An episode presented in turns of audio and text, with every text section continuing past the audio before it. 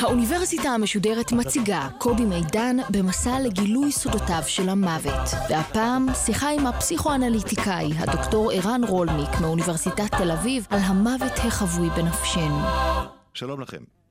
כל דיון בתפיסה המודרנית, או התפיסה העכשווית של נפש האדם, חייב להעמיד במרכזו את פרויד, את הפסיכואנליזה, גם את ממשיכיו של פרויד.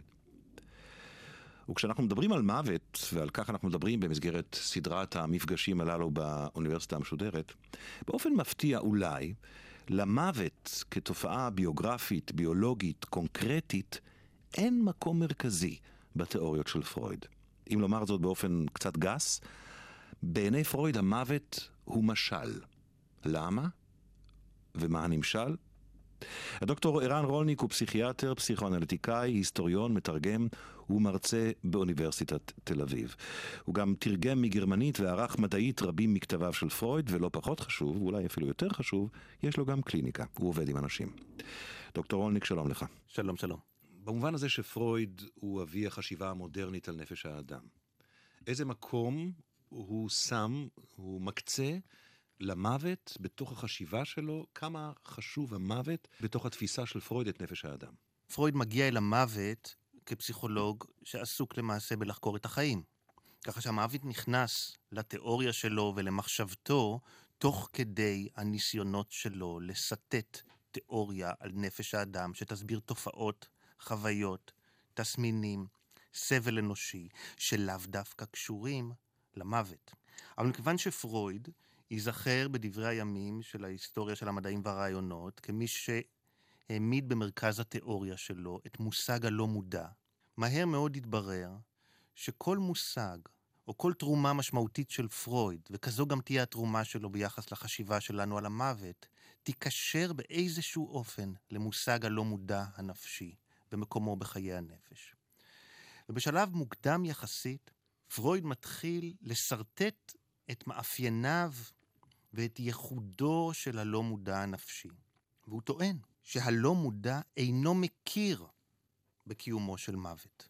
ולכן, פרויד מציע לנו כבר בשלב ראשון הבחנה חשובה בין המוות כעובדת קיום ביולוגית לבין היחס למוות כתופעה פסיכולוגית. יחסו של האדם למוות, יגיד פרויד, נובע מעמדתו הלא מודעת, המכחישה את המוות. עמדתנו שאינה נותנת מקום למציאות של המוות, גורמת לנו שאנחנו נתייחס למוות באין ספור שימושים. הם השתנו בהתאם לצרכים שלנו, בהתאם לחרדות שלנו, בהתאם לנקודות שבה אנחנו עסוקים במושג הזה בחיינו. אני רוצה רגע לעצור כאן ולנסות להבהיר, לפני שאתה הולך למקומות ההם. כשפרויד מדבר, כפי שאתה מציג את זה, על כך שהלא מודע שלנו אינו מכיר במוות, אדם לא יכול לחיות בתודעת מוות מתמדת. ההדחקה של עובדת המוות היא הכרחית לקיום. אני מתאר לעצמי שלא על זה מדבר פרויד. ודאי שלא. אז על מה כן? למה זה כל כך אה, חשוב לו להגיד את הדבר הזה? אנחנו חיים חיים כפולים, אמר פרויד. אנחנו חיים ברובד הקוגניטיבי, המודע, הרציונלי. ואנחנו רואים אנשים מתים, אנחנו יודעים שנמות, אנחנו יודעים שהחיים הם סופיים. אבל יש גם ספירה נוספת לא מודעת, שבה אנחנו כל יכולים, שבה אנחנו על-מותיים. זוהי הספירה הלא מודעת. למעשה קיים קונפליקט מתמיד בין שתי הגרסאות האלה שהאדם נושא ביחס למוות. הגרסה המודעת, שאפשר לומר שילד מחזיק בה קרוב לוודאי כבר מגיל עשר. יכול להבין את המשמעות של הסוף. אבל את זה הוא מבין לגבי סופם של אחרים. לגבי הכלב שלו שימות, או אפילו אדם קרוב שימות. לגבי עצמנו, אנחנו לעולם נכחיש את סופיותנו. יש מקום בתוכנו שלא יקבל את זה עד הסוף. נגיד את זה ככה, אני אגיד את זה ככה. בהחלט. ישנם רגעים ששתי הגרסאות האלה אכן מתקרבות זו לזו. אלה רגעים חשובים בחיים שלנו. כשאדם קרוב מת, אפילו שאנחנו מלווים מישהו בבית הקברות. אם תשים לב, חרף הכאב, חרף האובדן, המפגש עם המוות הוא לא רק מכאיב, הוא גם מחזק. אנחנו לא אחת יוצאים מהמפגש עם המוות באיזושהי תחושה, לא של שמחה, אבל של רווחה, או של התרחבות פנימית. כי זו אותה שעת חסד שבה אנחנו פתאום רואים, הכרנו לרגע במוות ועמדנו בזה. לא התפרקנו מהידיעה הזאת, או מהוויתור על הכל יכולות שנגזרת מהתפיסה הלא מודעת של המוות. למעשה פרויד אומר לנו, מכיוון שאין לנו ייצוג מנטלי, מכיוון שאין לנו חוויה והתנסות בדבר שנקרא מוות, אנחנו משליכים או מכניסים לתוך המושג הזה של מוות שורה ארוכה של חרדות ינקותיות שכן התנסינו בהן. אובדן אהבה, אובדן הגנה, חוסר אונים. ערב רב של התנסויות שכל אדם עבר אותם בינקותו וגם במהלך התפתחותו, ושמקבלות אצלנו סימון כאילו מדובר בכיליון. זו טענה רדיקלית, בעיניי. אנחנו לא יכולים להכיר במוות ולא יכולים להבין את המוות גם כי הלא מודע שלנו לא מקבל את המוות וגם כי לא התנסינו בשום דבר שקשור למוות. באופן פנימי, ולכן לתוך חרדת המוות, לתוך התפיסה של מה זה מוות, אנחנו מביאים דברים שהתנסינו בהם בחיים, כמו חוסר אונים, כמו רעב כבד בילדות, כמו כאלה דברים. זאת אומרת, המוות הוא נהיה מין פח זבל, או... כלי או, קיבול. כלי קיבול, מאגר של חרדות שצברנו.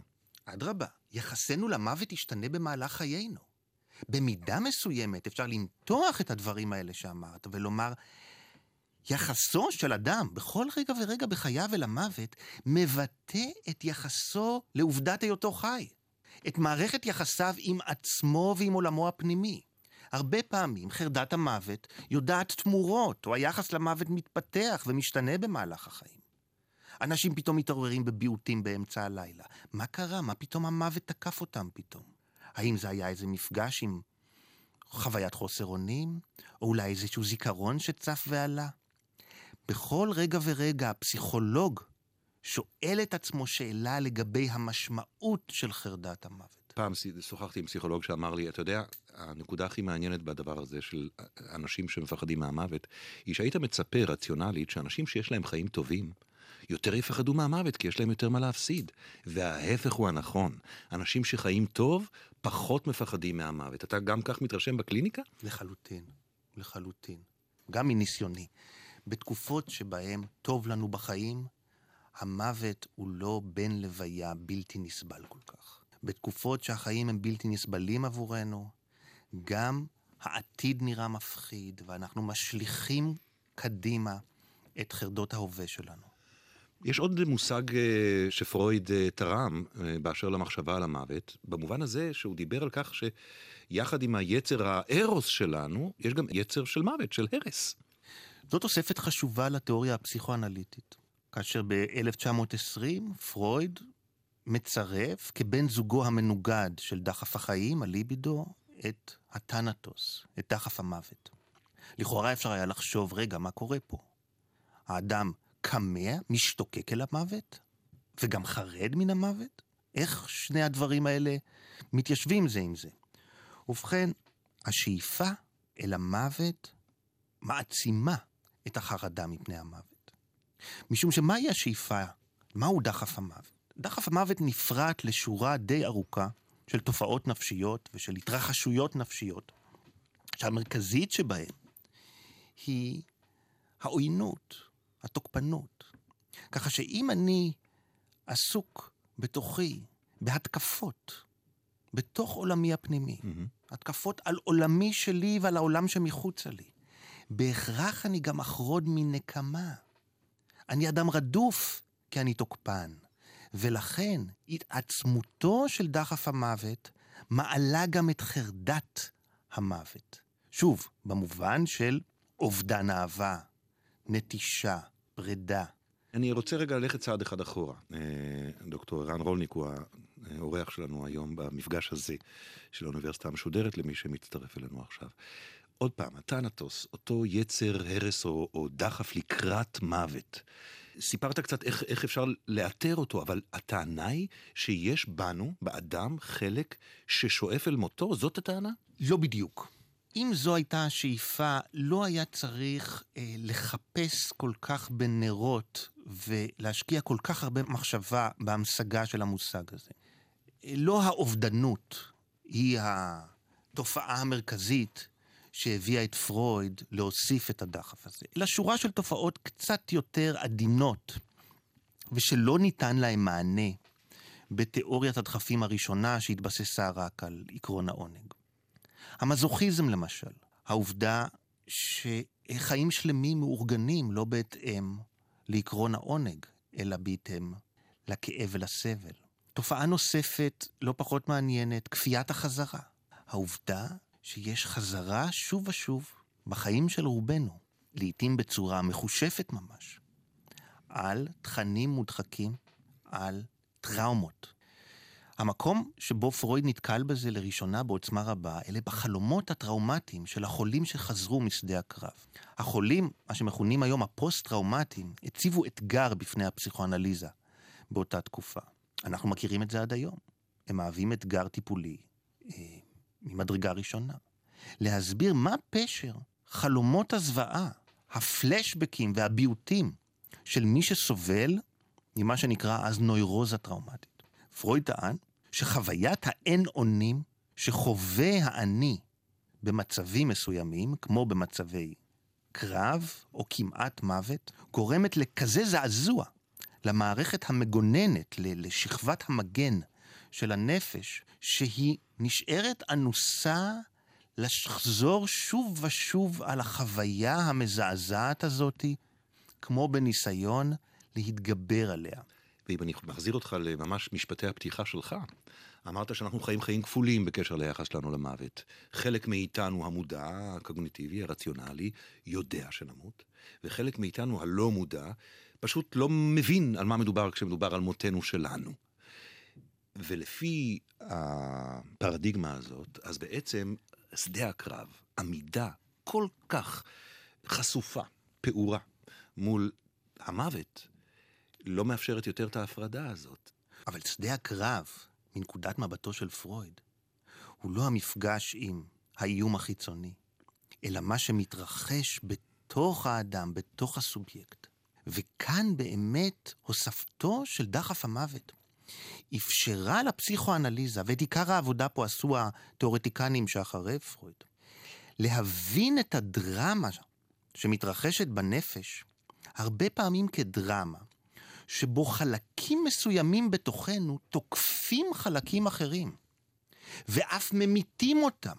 וכך באמת אנחנו יכולים לטעון שבמקרים מסוימים התנסינו כן במוות נפשי. זאת אומרת, חלק מסוים הומת, החלק שלא הומת חווה וכן התנסה בחוויית מוות.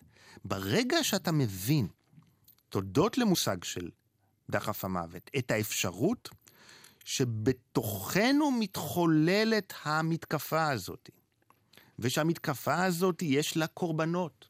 חלקים טובים בנפשנו נופלים קורבן להתקפות שנובעות מתוכנו.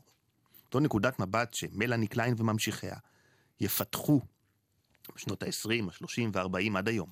אבל היא נשענת על דחף המוות הפרוידיאני. ברגע שאנחנו הוספנו את האפשרות הזאת, באמת אה, שמנו סימן שאלה על הקביעה ההיסטורית של פרויד, לפיה לא חווינו כיליון. כי ייתכן שבתנאים התפתחותיים מסוימים, האדם כן חווה לפרקים דבר הדומה מאוד לאניהילציה של העצמי. אני אנסח את זה בצורה מעט יותר אה, פשוטה, אני אנסה לפחות. כלומר, הטענה של ממשיכיו של פרויד, אה, נניח מלאני קליין, היא שכאשר תנאים התפתחותיים מסוימים, מול האימא, מול האבא, מול היצרים הפנימיים של, של הילד בעיקר, הם עובדים רע, או עובדים בצורה מסוימת, אז המלחמה הפנימית בתוך התינוק, בתוך הילד, גורמת לחלק אחד לתקוף חלק אחר בתוכו, ואותו חלק שמותקף ומת, הוא היכולת שלנו להבין מה זה מוות. כן. אוקיי. ואני אוסיף לזה עוד דבר אחד, קובי. לצערנו זה קורה גם כשהיחסים הם טובים. זאת אומרת, התנסות מציאותית טובה לא בהכרח מחסנת אותנו מפני מתקפות. אדרבה, יחסינו עם האובייקטים הטובים הם אמביוולנטיים, משום שבמקום שהם בו הם לרגע מפסיקים להיטיב איתנו, או שמסיבות שונות הם לא פוגשים אותנו בדיוק במקום שבו אנחנו זקוקים להם, מתבצעת התקפה פנימית על דמות שהיא טובה. המצב הזה, במקרה הטוב, יוביל לאמביוולנטיות. ליכולת שלנו, אדם עד בוגר, לחוש גם אהבה וגם עוינות כלפי אדם אהוב, מבלי לאבד את האהבה. ובסוף... פרויד יאמר לנו למעשה, אם ישנה הגדרה פרוידיאנית, לדעתי טובה ויפה לאהבה, היא אומרת, אהבה זה הרגש שאתה מרגיש אחרי שהאובייקט האהוב שרד את ההתקפות שלך. לזה קוראים אהבה. וואו, איזו הגדרה לאהבה. כן. לא קל. לא, לא הגדרה שקל לי לקבל, אבל uh, בסדר, אני לא כאן כדי לקבל. ועדיין, עם כל הדיבור uh, על פרויד ועל ממשיכיו, בסוף, בשורה התחתונה, המקום של הפחד מהמוות, כמו שהוא, המוות כעובדה, הוא מקום קטן, הוא מקום סימבולי, הוא מקום שמאפיין את הפסיכולוגיה של החי, ולא את הפחד מהעובדה שאתה הולך לחזור אל הדומם, אל הלא אורגני, אל, ה, אל, ה, אל, ה, אל הלא מודע, אל הלא קיים. הפחד הזה לא מעסיק את פרויד ואת ממשיכיו בעצם. אני לא יודע אם הוא לא מעסיק אותו ברמה האישית, אנחנו יודעים שפרויד ניהל אה, דיאלוג אישי כאוב מאוד אה, עם אה, מותו שלו. אבל... מבחינה תיאורטית. מבחינה תיאורטית, הפסיכולוגיה של פרויד עוסקת במתן משמעות לחרדות. אפשר לשאול, ממה אתה כל כך מפחד שתמות? נו, נו, נו, הרי לא תרגיש שום דבר, נכון. ממה אתה מפחד? מה אתה זורק לשם? עכשיו, אני ארצה לקראת הסוף להבין אה, מה זה אומר, העובדה שהמניחי היסודות של התפיסה המודרנית של הנפש האנושית, זה היחס שלהם למוות. מה זה אומר על, על הטיפול ועל היכולת להתעסק עם זה, אבל רגע אני רוצה לפתוח סוגריים. כי יש עוד זרם שהיה משמעותי מאוד בחשיבה על, על נפש האדם, ובעיניי עושה דבר הפוך. אם פרויד אומר, גם המוות הוא מייצג חרדות של חיים. הם אומרים, כל החרדות של החיים נובעות מהחרדה הראשונית, שהיא הפחד למות. וזה כמובן הזרם האקזיסטנציאליסטי. אז תנסה להגיד על זה איזה כמה מילים. האקזיסטנציאליסטים, אם לא כולם, רובם, מתייחסים אה, שוב ושוב, אה, לא רק לפרויד, אלא לאחד מתלמידיו הראשונים של פרויד, לאוטו רנק, לשעבר רוזנפלד, שפרויד ראה בו את האינטליגנטי ביותר מבין תלמידיו. יותר מיונג, יותר מאדלר, יותר מכולם. ורנק הקטן, שהיה צעיר מכולם, שזוכה להרבה מאוד אזכורים חיוביים מאוד מפרויד, ופרויד אפילו מימן את לימודיו באוניברסיטה זמן מה. רנק במחצית שנות ה-20 מפתח פתאום תיאוריה משלו, שהיא זוכה לשם טראומת הלידה. הנושא של טראומת הלידה נזכר כבר בכתיבתו של פרויד, ושהוא עצמו בפירוש החלום רואה בחוויית הלידה את הפרדיגמה למבוע של חרדה. אבל רנק אה, הלך יותר רחוק. הוא טען שההצפה של חרדה במהלך הלידה הופך את החוויה הזאת, את חוויית הפרידה הראשונית מגוף האם, למקור לכל החרדות כולן. וכך רנק למעשה קשר בראשיתנו את סופנו. במקום שבו נולדנו, שם התפתחה חרדת המוות שלנו. המחשבה של רנק השפיעה מאוד על תיאורטיקנים, החל מהתקופה שרנק מצא, מצא את מקומו בארצות הברית. אה, המפורסם שבהם הוא ארנסט בקר, האנתרופולוג הקנדי, שב-73 פרסם את אה, הכחשת המוות, ספר שזכה בפרס פוליצר והפך בסיס כמעט הייתי אומר תנועה חברתית שלמה בשעתו. הטענה של בקר, והיא נשענה במידה מסוימת על רנק, במידה מסוימת כביקורת על פרויד, הייתה שאת סיפור האנושות כולה, או את הציוויליזציה שלנו, אפשר לספר כסיפור יחסנו, המכחיש ברובו, לעובדת מותנו. לכאורה, לא היה בזה חידוש גדול, אם אתה חושב על כך שפילוסופים עסקו בכך. אבל בקר התמקם כאנתרופולוג בתווך הזה, שבין הפסיכולוגיה לתיאולוגיה, והציע איזה קריאה, אני קורא לה אקזיסטנציאליסטית מלנכולית. אוקיי. Okay. זאת אומרת, היא שמה דגש על היעדר המשמעות של החיים נוכח המוות, ופחות מנסה ברוח הפסיכואנליטית לתת משמעות לחיים נוכח המוות. בקר נתן את האות להתבוננות מחודשת על היחס שלנו למוות. נשמע לי מהדברים שלך, ואנחנו ממש אה, תכף צריכים לסיים, אה, ואי אפשר להרחיב כאן למרות שזה מאוד מאוד מעניין, שהפסיכולוגיה, מזווית הראייה שלך כמי שעוסק בהיסטוריה של הפסיכולוגיה ושל הפסיכואנליזה, הפסיכולוגיה שמעמידה, כמו בקר, וכמו פסיכולוגים אקזיסטנציאליסטים אחרים, שמעמידה את עובדת המוות של האדם, אה, לצד העובדה שהאדם הוא פחות או יותר החיה, לא כמו שפרויד אומר, אבל כמו שהם אומרים, הוא החיה היחידה שיודעת את מותה, שההצבה הזאת במרכז של הפסיכולוגיה ושל האנתרופולוגיה לא, להשקפתך, לא הביאה לפירות קליניים. אי אפשר לעבוד עם זה, לייצר משמעות, להתגבר על חרדות, גם אם אתה שם את זה במרכז. אני אהיה לרגע אסוציאטיבי. לא מזמן אמרה לי אישה, אי אפשר לטפל, אין לי נפש. אם הייתי מתבונן על זה מנקודת מבט, על אמירה כזאת, מנקודת מבט אקזיסטנציאליסטית. הסיפור היה נגמר בזה. לא היה לי הרבה מה, כלים למחשבה על טענה של אדם חושב ומבין, שאומר, אני לא במשחק הזה של נפש.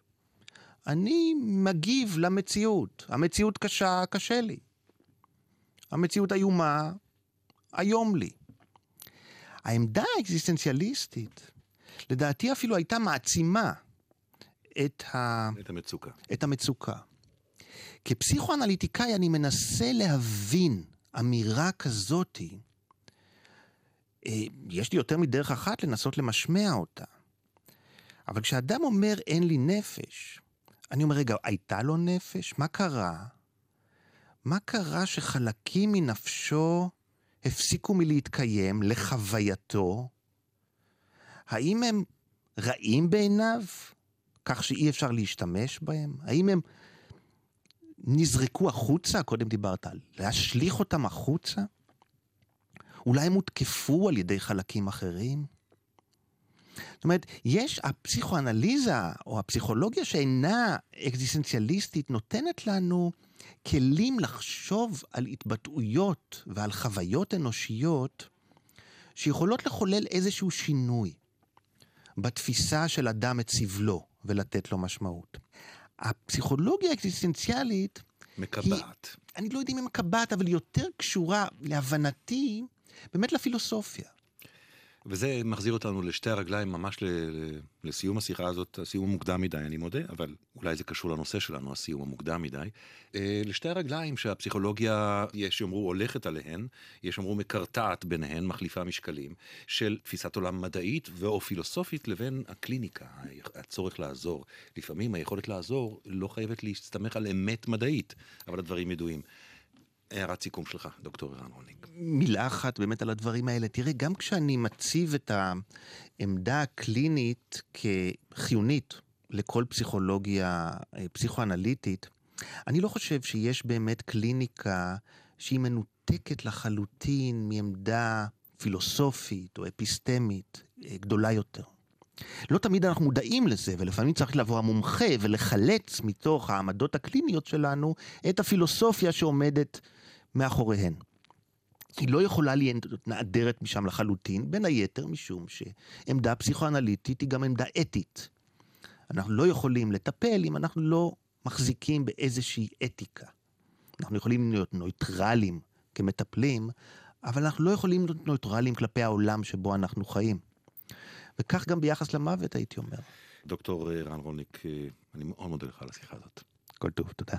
ותודה רבה גם לניב רובל העורך, ועל הביצוע הטכני היה בן קטן. להשתמע.